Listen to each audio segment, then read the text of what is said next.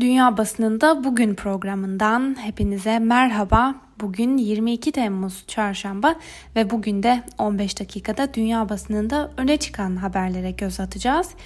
Bugün bültenimize bir kez daha Amerikan basınında öne çıkan haberlerle başlayalım. New York Times gazetesinde öne çıkan haberlerden birine göre ABD Başkanı Donald Trump koronavirüsü salgınının başlangıcında Beyaz Saray'da her gün düzenlenen bilgilendirme toplantılarına yeniden başladı. Nisan ayından bu yana ilk kez düzenlenen toplantıda daha önceki seferlerde olduğu gibi e, bu kez Beyaz Saray koronavirüsü görev gücünden sağlık yetkilileri de yer almadı. ABD'de günlük can kayıpları binlere ulaşmışken Trump salgında can kayıplarının ve vaka sayılarının azalma eğilimi göstermeden önce dibe vurmadan iyileşmeyecek şeklinde konuştu. Sağlık yetkililerinin maske takılması yönündeki uyarılarına rağmen kamuoyu önünde maske takmamasıyla eleştirilen Başkan Trump bu kez dikkat çekecek bir şekilde toplantıda salgının kontrol altına alınması için maskenin önemine de vurgu yaptı. Öte yandan ABD'de salgından dolayı oluşan ekonomik kriz ve e, işsizlik oranlarının tırmanmasıyla beraber devlet haftalık olarak 600 dolarlık bir yardım yapmaya başlamıştı. Salgın sırasında işsiz kalan milyonlarca Amerikalıya maddi yardım sağlayan paketin süresinin de dolmasına az bir zaman kaldı. 25 Temmuz'da sona erecek olan bu maddi yardımların uzatılmasına ilişkin son kararı da kongre üyeleri e, belirleyecek. Ancak taraflar arasında yeni kurtarma paketinin ne kadarlık bir yardım öngöreceği ve ekonomik destek önceliğinin hangi alanlara verileceği konusunda da görüş ayrılıkları bulunuyor. Öte yandan gazeteye göre bu yardımın kesilmesi milyonlarca kişiyi yoksulluk sınırına itecek. Gazeteden Elizabeth Warren bugünkü yazısında salgınla mücadele edebilmek için e, bir yapılacaklar listesi hazırlamış ve bu listeye göre şu an yapılacak en önemli şey senatonun hızla harekete geçmesi çünkü kaybedilecek vakit kalmadı. Ve yine gazeteden Ross Dahut ise bugünkü yazısında şöyle yazmış. Trump geri dönebilir mi? Hayır kendi gücüyle dönemez. Bu saatten sonra onu yalnızca yaşanacaklar kurtarabilir. Ve yine Amerikan basınından Huffington Post gazetesinde öne çıkan haberlerden birinde sizlere aktaralım. Görünüşe göre toplu ölümler ekonomi için kötü başlıklı habere göre Cumhuriyetçiler uzun süre salgının başından bu yana salgınla mücadelede ekonominin öncelenmesi gerektiğini savunuyorlar. Hatta ekonominin ayakta kalması için insan canının da feda edilebileceğini söylediler. Bu yalanlarla dolu masallarına demokratların inanmamış olmaları gerekirdi.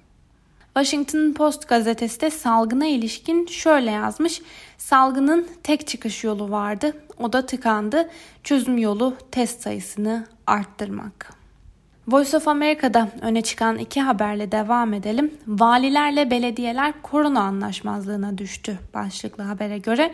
Koronavirüsü vakalarının hızla arttığı Texas, Florida ve Georgia eyaletlerinin valileri daha sıkı önlemler almak isteyen belediye başkanları ve diğer yerel yöneticilere karşı çıkan adımlar atıyorlar. Trump'tan seçim bölgeleriyle ilgili tartışmalı kararname başlıklı bir diğer habere göre Başkan Donald Trump seçim bölgelerinin sınırları yeniden çizilirken ABD'de yasa dışı olarak bulunan göçmenlerin sayılmasını engelleyecek bir kararname imzaladı. ABD'de nüfus sayım uzmanları ve avukatlar bunun hukuki açıdan tartışmalı bir uygulama olacağı ve büyük ölçüde beyaz olmayan göçmen nüfusun devre dışı bırakılarak Trump'ın partisi Cumhuriyetçi Parti'ye avantaj sağlayabileceği kanısında.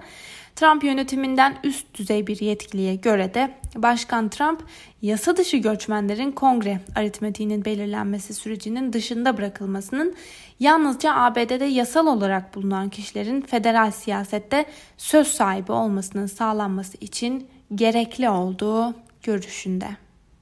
Amerikan basının ardından İngiliz basını da göz atalım. The Guardian gazetesi bugün ilk sayfasında koronavirüse dair bir haberi taşımış. Bu habere göre ABD Dışişleri Bakanı Mike Pompeo İngiltere'de yaptığı görüşmede Çin'i bir kez daha hedef aldı.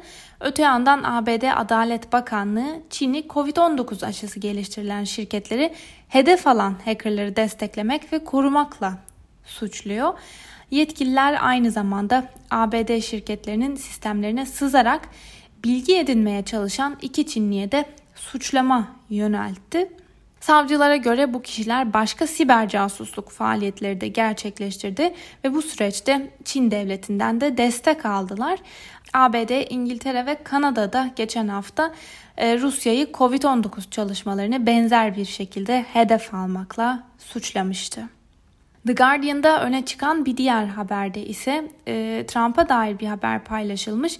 Amerikan basınında da geniş bir yer bulan bu habere göre Trump aylar sonra salgını ilk kez ciddiye almaya başladı. Gazeteye göre konuşmasında maske takmanın önemini vurgulayan Trump'ın salgının daha da kötüleşeceğini söylemesi bir itiraf niteliğindeydi. Öte yandan yine salgına ilişkin bir diğer haberde ise ABD'nin salgına ilişkin verilerde şeffaf olmaması nedeniyle salgınla mücadele yönteminin de belirlenmesi gecikiyor ifadelerine yer verilmiş.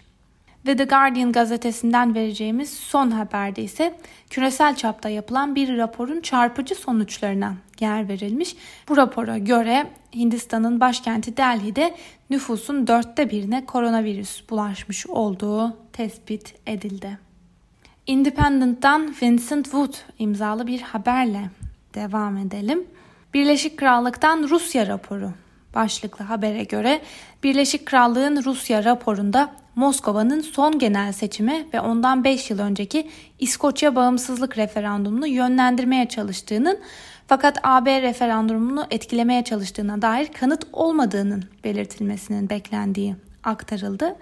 Ve aynı konuyu gündemine taşıyan BBC ise konuya ilişkin farklı bir iddiayı ele almış.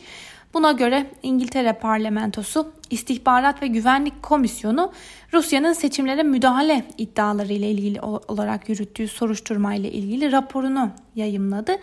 Raporda 2016'da yapılan Avrupa Birliği referandumunda hükümetin Rusya'nın müdahalesini araştırmaktan aktif bir şekilde kaçındığı belirtiliyor. Avrupa Parlamentosu'nun Brexit müzakerecisi Guy Verhofstadt, Brexit Putin'e bir hediyeydi çünkü Avrupa Birliği'ni zayıflattı ve İngiltere'yi yalnızlaştırdı. Rusya'nın raporu yanıtlanmamış ne kadar soru olduğunu ortaya koyuyor diye konuştu. Brexit lideri Nigel Farage ise e, raporu farklı yorumladı ve Avrupa Birliği'nde kalma yanlıları ve medyanın büyük bir kesimi yıllar süren bir karalama kampanyası yürüttü. Rusya'nın müdahalesine ilişkin hiçbir kanıt yok. Hepsi bir aldatmacadan ibaret ve bize özür borçlular diye konuştu. Öte yandan İngiltere hükümeti Aralık'ta yapılan seçimlerden önce raporun yayınlanmamasını da geciktirmekle suçlanmıştı. Ve aynı konuyu gündemine taşıyan The Telegraph ise e, haberi şu sözlerle paylaşmış. Rusya raporu yayınlandı. Moskova'nın İngiliz seçimleri üzerindeki kötü niyetli müdahalesi nasıl yeni normalimiz oldu? İngiliz istihbarat birimlerinin belgelerine dayandırılan haberde Rusya'nın müdahale girişimlerinin başarılı sonuçlandığına dair bir kanıt bulunamadı ifadelerine yer veriliyor. Rus basınından Sputnik haber ajansında öne çıkan bir habere göre de Kremlin'den İngiltere'nin Rus müdahalesi raporuna yanıt geldi. Rusya'nın başka ülkelerin seçim süreçlerine müdahale ettiğinin öne sürüldüğü rapor hakkında konuşan Kremlin sözcüsü Dimitri Peskov, Rusya, ABD, İngiltere veya başka bir ülke dahil hiçbir ülkedeki seçim süreçlerine hiçbir zaman müdahale etmedi. Biz bunu yapmıyoruz ve başka ülkeler bizim siyasi işlerimize karışmaya çalıştığında da sessiz kalmıyoruz diyerek iddiaları yalanladı. Bu haberlerin ardından Alman basınında öne çıkan birkaç haberle devam edelim. E, ve Deutsche Welle'de öne çıkan Almanya'ya ilişkin önemli bir gündem maddesiyle de başlayalım. NSU 2.0'dan gönderilen ırkçı tehdit mektuplarının sayısı artıyor. Almanya'da NSU imzalı tehdit mektuplarının sayısının şimdiye kadar bilinenin üzerinde olduğu ortaya çıktı. Hessen Eyaleti İçişleri Bakanı Peter Boyd, eyalet parlamentosunun İçişleri Komisyonu'nda yaptığı açıklamada ülkenin 8 ayrı eyaletinde 27 kişi ve kuruluşa NSU 2.0 imzalı 69 ırkçı tehdit içerikli mektubun gönderildiğinin belirlendiğini söyledi. Almanya'ya ilişkin bir diğer habere göre de Alman emniyeti WhatsApp mesajlarına ulaşabiliyor. Alman basınında Alman Federal Emniyet Teşkilatı'nın şifreli WhatsApp mesajlarına ulaşabildiği öne sürüldü. Haberlere göre emniyet teşkilatı bunu yaparken telefonlara casus yazılım yüklemeye de gerek duymuyor. Bu haberlerin ardından Türkiye'yi yakından ilgilendiren bir haberle devam edelim. Yunanistan'dan Papa'ya Ayasofya çağrısı başlıklı habere göre Türkiye'nin Ayasofya'yı ibadete açma kararına Yunanistan'ın tepkisi sürüyor. Yunanistan Cumhurbaşkanı Papa Francesco'yu Ayasofya tartışmasında uluslararası ağırlığını koymaya çağırdı. Yunan basınına göre Papa Francesco da Ayasofya'nın camiye dönüştürülme kararının siyasi olduğu konusunda Yunan Cumhurbaşkanı'nın görüşlerine katıldığını belirtti. Papa Francesco'nun konumu el verdiğince Ayasofya'nın tekrar müze haline getirilmesi için çalışacağını söylediği de aktarıldı. Öte yandan İstanbul'da ise ilk namaz için hazırlıklar sürüyor. Türkiye ve Yunanistan arasında Ayasofya nedeniyle gerilim bir kez daha tırmanmışken Yunanistan Başbakanı'ndan Türkiye için Doğu Akdeniz yaptırımı çağrısı da geldi. Yunanistan Başbakanı Mitsotakis, Türkiye'nin Doğu Akdeniz'deki sondaj faaliyetlerini durdurmaması halinde Ankara'ya Avrupa Birliği yaptırımı uygulanması dışında bir ihtimalin olmaması gerektiğini söyledi. Ve Yunan basınından Ekatimerini gazetesi ise konuya ilişkin paylaştığı e, haberde şu ifadelere yer vermiş. Türkiye'nin Doğu Akdeniz planı Atina tarafından tehlikeli bir adım olarak görülüyor. Deutsche Welle'nin ardından Le Monde'da öne çıkan bir haberle devam edelim. Le Monde bugün Fransa'da ölüm oranı Covid-19 salgını döneminde %60 oranında arttı başlıklı bir haberi ilk sayfasına taşımış. Bu habere göre Fransa Halk Sağlığı Merkezi ölüm oranlarının Mart ayının sonunda zirveye ulaştığını gösteriyor. Ancak analiz edilen veriler tam kapsamlı olmasa da evde gerçekleşen ölüm sayılarında büyük bir fark da gözlemlenmediği belirtiliyor. Ve son olarak El Cezire'de öne çıkan bir haberi sizlere aktaralım.